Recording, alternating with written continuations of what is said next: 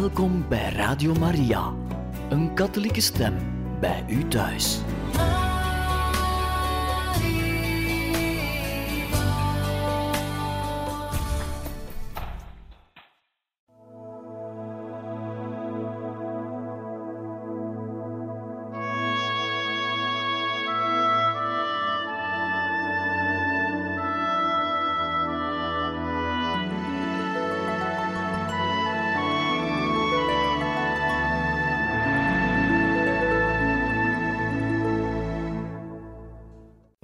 Harte welkom, beste luisteraars van Radio Maria, in het programma Heiligen Getuigen. We lezen verder voor uit het boek Mijn levensverhaal, geschreven door de heilige Thérèse van Lisieux, bewerkt door Koen de Meester.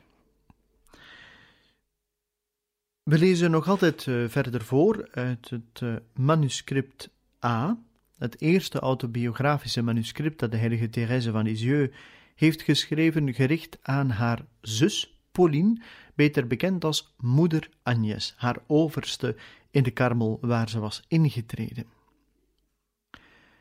En we waren aangekomen in een passage waar de heilige Therese van Lisieux een beetje meer uitweidt over haar goede relatie met de eerste overste, zeg maar, de overste die ze heeft gekend toen ze intrad in de karmel. En dat is moeder Geneviève, die ook in geur van heiligheid gestorven is. En ze vertelde over die bijzondere droom, een vertroostende droom, die ze heeft gekregen, waarin moeder Geneviève net voor haar overlijden bezig was met haar testament op te maken en met enkele kleine bezittingen uit te delen, en toen Therese van Lisieux aan bod kwam, aan beurt was om iets te ontvangen van moeder Geneviève, antwoordde zij aan jou laat ik mijn hart na. Daar waren we gekomen en daar gaan we ook verder. Een maand na het overlijden van onze heilige moeder brak er griep uit in de communiteit. Ik was samen met twee andere zusters de enige die nog op de been was. Ik zal nooit kunnen zeggen wat ik allemaal gezien heb, wat ik dacht van het leven en van alles dat voorbij gaat. Mijn negentiende verjaardag werd gevierd met een overlijden, al gauw gevolgd door twee anderen. In die tijd werkte ik als enige in de sacristie, want de eerste verantwoordelijke was ernstig ziek. Ik moest de begrafenissen voorbereiden, de tralies van het koor openmaken voor de mis, enzovoort. De goede God heeft me toen heel veel genaden van kracht geschonken. Nu vraag ik me af hoe ik alles wat ik deed zonder angst heb kunnen volbrengen. De dood heerste overal. Degenen die het meest ziek waren, werden verpleegd door degenen die zich nog voort konden slepen. Zodra een zuster haar laatste adem uitgeblazen had, moesten we haar wel alleen laten. Op een ochtend had ik bij het opstaan het voorgevoel dat zuster Madeleine dood was. De slaapzaal was helemaal donker en niemand was uit haar cel gekomen. Ik besloot de cel van zuster Madeleine binnen te gaan. De deur van haar cel stond open, en daar zag ik haar, gekleed en liggend op haar stroomatras. Ik was helemaal niet bang. Toen ik zag dat ze geen kaars had, ging ik een kaars en ook een kroontje van rozen voor haar halen. Op de avond van de dood van moeder Suppriorin was ik alleen met de ziekenzuster. Je kunt je onmogelijk de trieste toestand voorstellen waar de communiteit zich in bevond. Alleen de zusters die op de been waren weten het. Maar te midden van die verlatenheid voelde ik dat de goede God over ons waakte. Zonder moeite gingen de stervende zusters naar een beter leven over. Direct na hun dood kwam er een uitdrukking van vreugde en vrede op hun gezicht. Je zou zeggen dat ze in hun zoete slaap waren. En dat was ook echt zo. Als de wereld die we nu zien voorbij is, zullen ze immers ontwaken om voor altijd te genieten van de heerlijkheden die voor de uitverkorenen bereid zijn. Al die tijd dat de communiteit zo beproefd werd, was het mijn onuitsprekelijke troost dat ik elke dag de communie mocht gaan. Wat was dat mooi! Jezus verwende me lange tijd, veel langer dan zijn trouwe bruiden. Hij gaf zich aan mij zonder dat de anderen het geluk hadden hem te ontvangen. Ik was ook heel gelukkig dat ik de heilige vaten aan mocht raken en de kleine windsels die Jezus ontvangen mogen.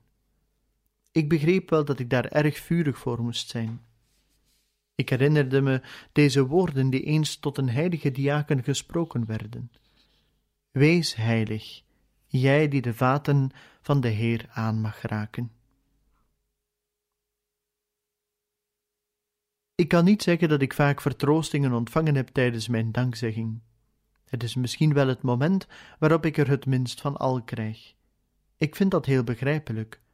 Ik heb me immers niet aan Jezus aangeboden als iemand die naar zijn bezoek verlangt om zelf getroost te worden, maar juist om Hem plezier te doen, die zich aan mij schenkt.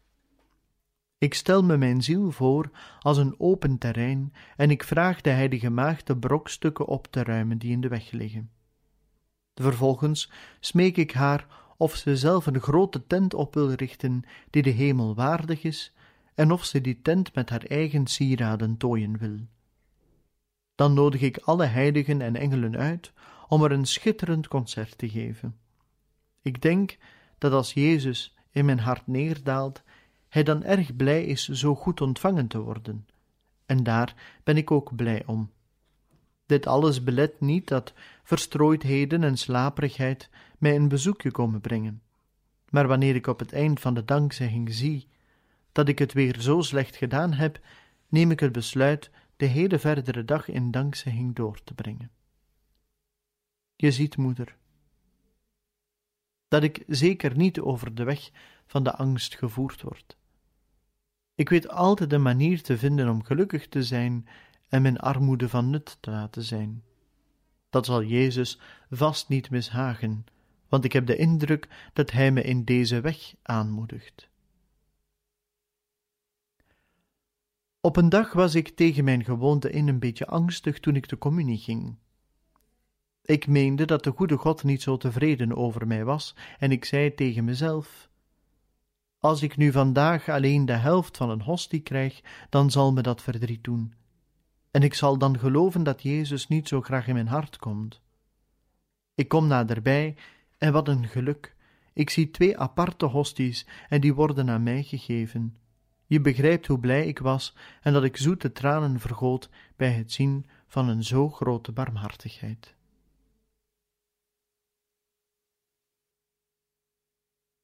Het jaar dat volgde op mijn professie, dat we zeggen twee maanden voordat moeder Geneviève stierf, ontving ik tijdens de retraite grote genaden. Gewoonlijk zijn gepreekte retraites voor mij nog pijnlijker dan die ik in mijn eentje doe, maar dat jaar was het anders. Ik had met heel veel vurigheid een voorbereidende novene gedaan, ondanks wat ik innerlijk voelde.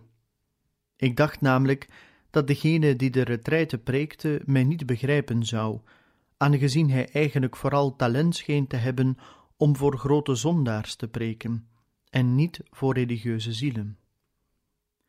De goede God wilde me laten zien dat Hij alleen de leidsman van mijn ziel was, en hij bediende zich juist van die pater die alleen door mij gewaardeerd werd. Ik had toen allerlei grote inwendige beproevingen, zozeer dat ik me zelfs afvroeg of er wel een hemel bestond. Ik was eigenlijk geneigd niets te zeggen over hoe het innerlijk met me ging, omdat ik niet wist hoe ik het onder woorden moest brengen. Maar ik was nog maar nauwelijks in de biechtstoel, of ik voelde mijn ziel al opengaan. Na een paar woorden gezegd te hebben, werd ik op wonderlijke wijze begrepen en zelfs doorzien. Mijn ziel was als een boek dat de pater beter lezen kon dan ikzelf. Hij stuurde me met volle zeilen vooruit op de golven van het vertrouwen en de liefde, die me zo sterk aantrokken, maar waarop ik niet verder durfde te gaan. Hij zei me dat mijn fouten de goede God geen verdriet deden en als zijn plaatsbekleder zei hij me namens hem dat hij erg tevreden over mij was. Wat was ik gelukkig toen ik deze troostrijke woorden hoorde. Nog nooit had ik horen zeggen dat fouten de goede God geen verdriet konden doen. Deze verzekering vervulde me met vreugde en zorgde dat ik met geduld de ballingschap van het leven verdragen kon. Ik wist diep in mijn hart wel dat het waar was, want de goede God is nog tederder dan een moeder. Ben jij, moeder, al niet steeds bereid mij de kleine misstapjes te vergeven die ik onopzettelijk maak? Hoeveel keer heb ik dat niet mogen ervaren? Geen enkel verwijt zou me zo sterk geraakt hebben als een liefkozing van jou.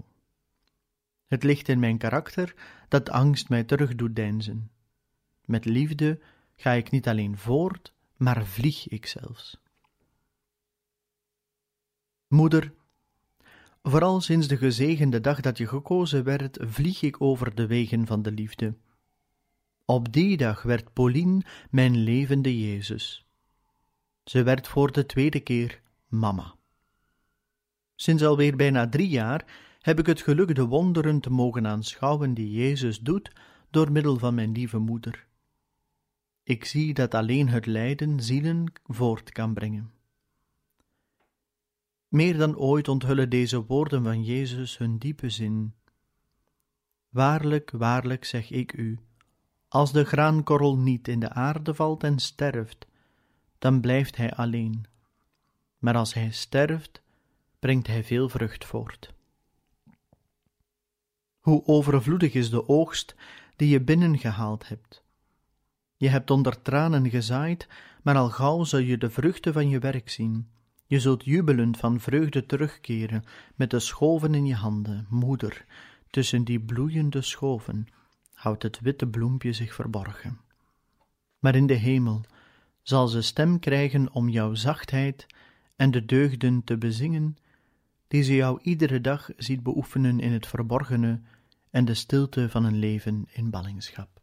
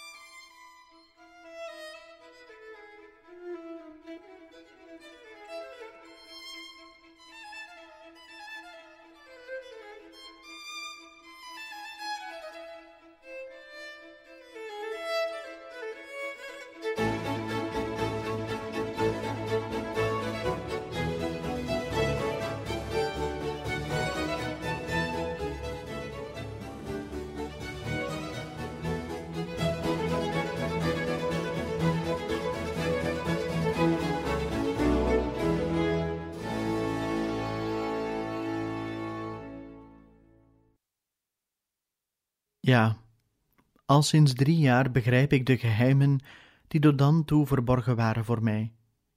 De goede God heeft aan mij dezelfde barmhartigheid betoond als aan koning Salomo. Hij wilde niet dat ik ook maar één enkel verlangen had dat onvervuld bleef, en dan niet alleen mijn verlangens naar volmaaktheid, maar ook die waarvan ik zelf de ijdelheid inzag, zonder die ooit ondervonden te hebben. Moeder, omdat ik jou altijd als mijn ideaal heb beschouwd, wilde ik in alles op jou lijken. Toen ik je mooie schilderijen zag maken en prachtige gedichten, zei ik bij mezelf: Wat zou ik gelukkig zijn als ik schilderen kon? Mijn gedachten in verzen uitdrukken en kon weldoen aan de zielen. Ik wilde niet om deze talenten vragen, en mijn verlangens bleven diep in mijn hart verborgen. Jezus, die ook verborgen was in dat arme hart, wilde mij tonen dat alles ijdelheid is en kommer onder de zon. Tot grote verbazing van mijn zussen mocht ik schilderen, en de goede God stond mij toe mijn voordeel te doen met de lessen die mijn lieve moeder mij gaf. Hij wilde ook dat ik naar haar voorbeeld gedichten maakte en toneelstukjes schreef die mooi gevonden werden. Zoals koning Salomo vaststelde, toen hij zich omkeerde naar het werk van zijn handen, waar hij zoveel moeite voor gedaan had, dat alles ijdelheid is en kommer. Zo heb ik uit ervaring ingezien dat het geluk erin bestaat je te verbergen en onbekend te blijven. Ik begreep dat zonder de liefde alle werken zonder waarde zijn, zelfs de meest glansrijke, zoals het opwekken van doden of het bekeren van volkeren. De gaven die ik van de goede God in overvloed kreeg, zonder dat ik erom heb gevraagd, hebben me in plaats van mij kwaad te doen en me tot ijdelheid aan te zetten, juist dichter bij Hem gebracht. Ik weet dat Hij de onveranderlijke is en dat Hij alleen mijn onmetelijke verlangens vervullen kan. Er zijn nog andere verlangens van een andere orde die Jezus ook vervullen wilde, kinderlijke verlangens, zoals de wens dat het sneeuwen zou bij mijn inkleding. Je weet, moeder, hoeveel ik van bloemen houd. Toen ik op mijn vijftiende mezelf tot een gevangene maakte, deed ik voor altijd afstand van het geluk door de velden te rennen, wanneer die versierd zijn met de schatten van de lente. Nou, ik bezat nog nooit zoveel bloemen als in de karmel. Het is een gebruik dat een jonge man bloemen geeft aan zijn verloofde. Jezus vergat dat niet. Hij stuurde me in overvloed bossen korenbloemen, madeliefjes, klaprozen, enzovoort, al die bloemen die ik het allermooist vind. Er was zelfs een klein bloempje bij, dat Bolderik heet en dat ik, toen we in Lisieux woonden, nooit meer heb kunnen vinden. Ik wilde die bloem van mijn kindertijd, die ik in de velden van Alençon geplukt had, zo graag nog eens terugzien. En juist in de karmel kwam ze mij toelachen en laten zien dat de goede God al in dit leven, zowel in het klein als in het groot, het honderdvoud geeft aan de zielen die omwille van zijn liefde alles hebben verlaten. Mijn meest persoonlijke wens, de grootste van allemaal, waarvan ik dacht dat ik die nooit in vervulling zou zien gaan, was de intrede van mijn lieve Celine in dezelfde karmel als wij. Die droom leek me onwaarschijnlijk. Onder hetzelfde dak leven, de vreugde en het verdriet te delen van het kameraadje uit mijn kinderjaren. Ik had mijn offer dan ook volledig gebracht. Ik had aan Jezus de toekomst van mijn lieve zus toevertrouwd en accepteerde zelfs haar te zien vertrekken naar de andere kant van de wereld, als dat nodig was. Het enige dat ik niet zou kunnen accepteren was als zij niet de bruid van Jezus zou worden. Omdat ik net zoveel van haar hield als van mezelf, leek het me onmogelijk dat zij haar hart zou schenken aan een sterveling. Ik had al veel geleden, omdat ik wist dat ze in de wereld blootgesteld was aan gevaren die mijzelf onbekend waren gebleven. Ik kan zeggen dat sinds mijn intrede in de karmel mijn genegenheid voor Céline net zozeer de liefde van een moeder als van een zus was.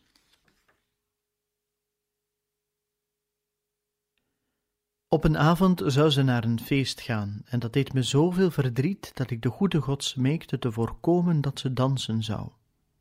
En tegen mijn gewoonte in vergoot ik zelfs een stortvloed van tranen. Het behaagde Jezus mij te verhoren. Hij zorgde ervoor dat zijn kleine verloofde niet dansen kon die avond, hoewel niets haar belette gracieus te dansen als het nodig was. Ze werd wel ten dans gevraagd, en ze kon dat niet afslaan, maar haar danspartner slaagde er totaal niet in haar te laten dansen. Tot zijn grote verwarring was hij ertoe veroordeeld alleen te lopen en haar zo naar haar plaats terug te begeleiden. Hij kneep er tussenuit en liet haar de hele avond met rust. Deze unieke gebeurtenis deed me groeien in vertrouwen en liefde voor hem die zijn zegel op mijn voorhoofd gedrukt had en het tegelijkertijd ook op dat van mijn lieve Céline gezet had.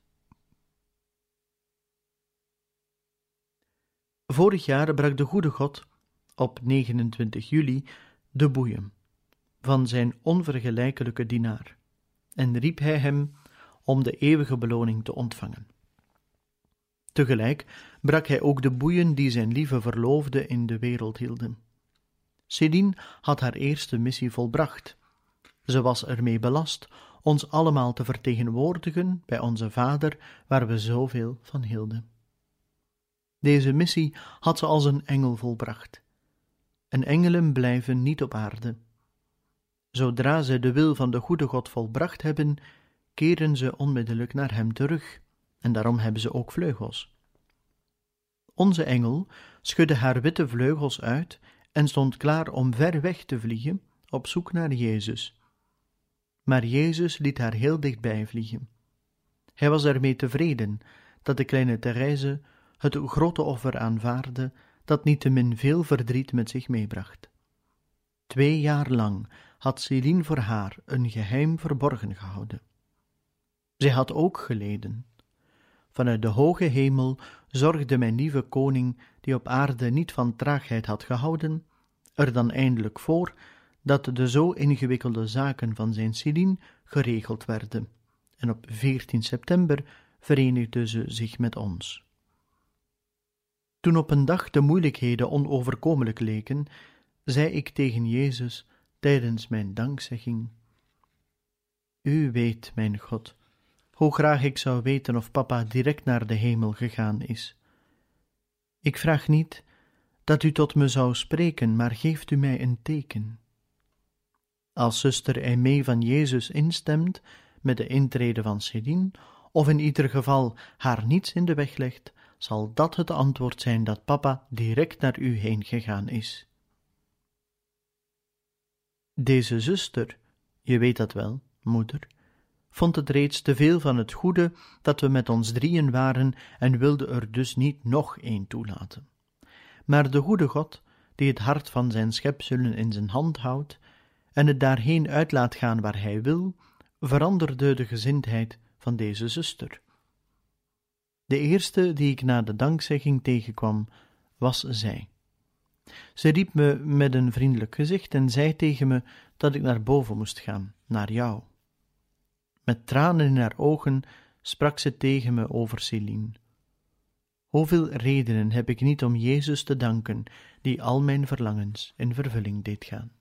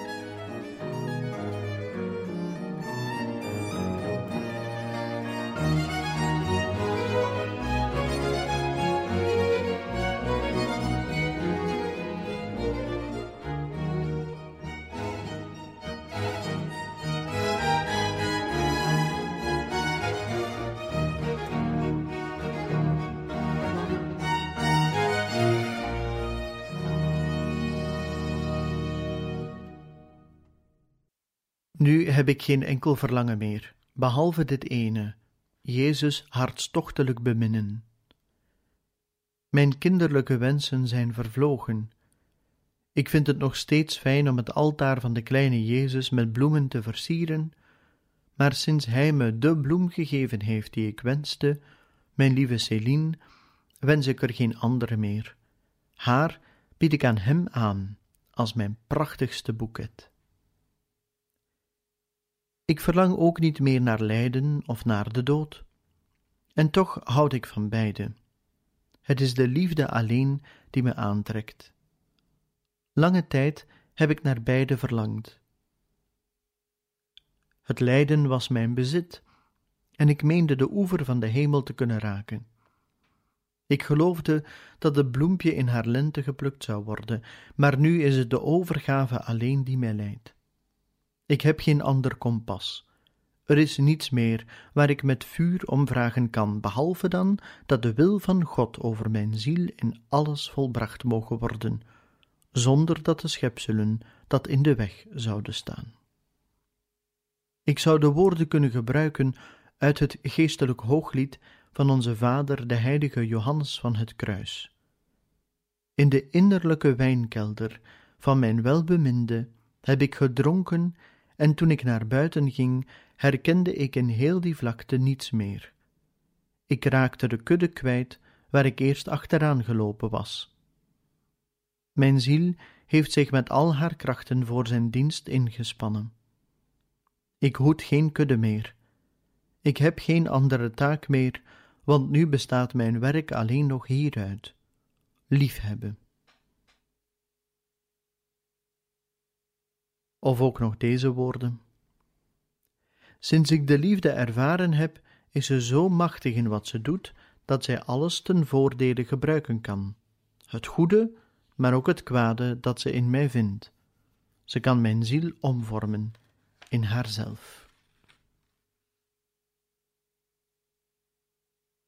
Hoe heerlijk is de weg van de liefdemoeder. Natuurlijk kan iemand nog struikelen of fouten begaan, maar omdat de liefde alles ten voordele gebruiken kan, heeft ze al gauw alles verteerd wat Jezus mishagen kan. Ze laat alleen diep in je hart een nederige en diepe vrede achter. Hoeveel inzicht hebben de werken van onze vader, de heilige Johannes van het Kruis, mij niet geschonken.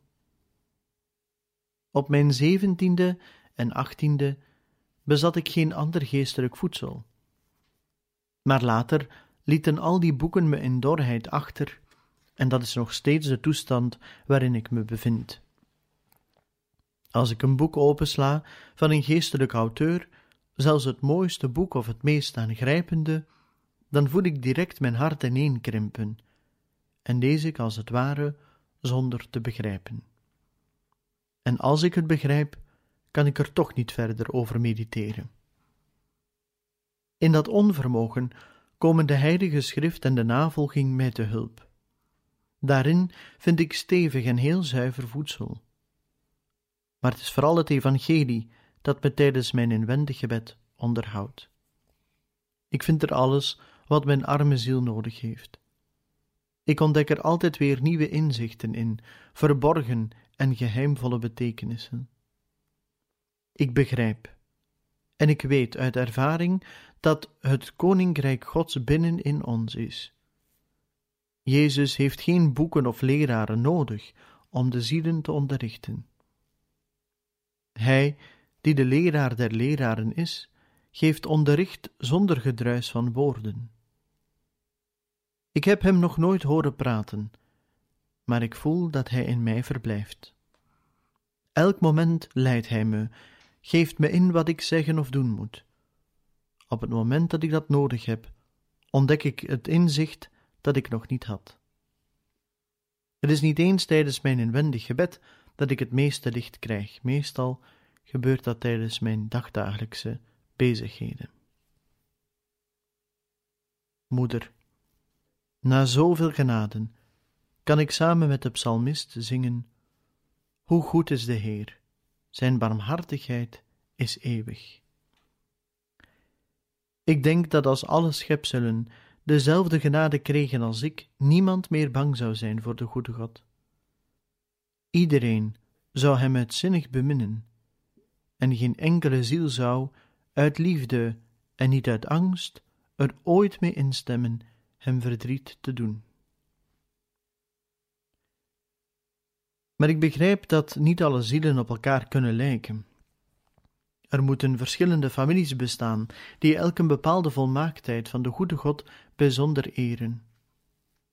Aan mij heeft Hij Zijn oneindige barmhartigheid geschonken, en door haar heen kijk ik naar de andere goddelijke volmaaktheden en aanbid ik die. Alle volmaaktheden stralen voor mij dus van liefde, zelfs de rechtvaardigheid, en die misschien nog wel meer dan de andere, is voor mij met liefde bekleed. Hoe heerlijk te bedenken dat God rechtvaardig is, dat we zeggen dat Hij rekening houdt met onze zwakheden. Onze zwakke natuur is Hem volmaakt bekend. Waar zou ik dan nog bang voor zijn? De God die oneindig rechtvaardig is en die met zoveel goedheid alle zonden van de verloren zoon vergeven wilde, zou hij niet rechtvaardig zijn tegenover mij, die altijd bij hem ben. Dit jaar op 9 juni, feest van de Heilige Drie-eenheid, heb ik de genade ontvangen om beter dan ooit te begrijpen hoezeer Jezus bemind wil worden. Ik dacht aan de zielen die zich als slachtoffer aanbieden aan de rechtvaardigheid van God, om zo de straffen af te wenden en op zich te nemen die de schuldigen wachten. Zo'n offerande leek me groot en edelmoedig, maar ik voelde me helemaal niet ertoe aangetrokken dat ook te doen. Mijn God, riep ik diep in mijn hart uit, is het alleen uw rechtvaardigheid aan wie zielen zich als slachtoffer zullen aanbieden? Uw barmhartige liefde heeft die toch ook nodig? Van alle kanten wordt die liefde miskend en verworpen. De harten die u met uw liefde overladen wil, keren zich naar schepselen en verwachten het geluk van hun armzalige genegenheid, in plaats van zich in uw armen te werpen en uw oneindige liefde aan te nemen. Mijn God, zal uw miskende liefde in uw hart opgesloten blijven? Ik denk dat u de zielen, die zich als brandoffer aan uw liefde aanbieden, vlug verteren zou. Ik denk dat u gelukkig zou zijn, als u de golven van oneindige tederheid, die er nu zijn, niet hoeft te houden. Als uw rechtvaardigheid zich graag verspreidt en die beperkt zich tot de aarde, hoeveel te meer verlangt uw barmhartige liefde, die tot de hemelen stijgt, de zielen in vuur en vlam te zetten. Mijn Jezus, laat mij dat gelukkige slachtoffer zijn, verteer uw brandoffer met het vuur van uw goddelijke liefde.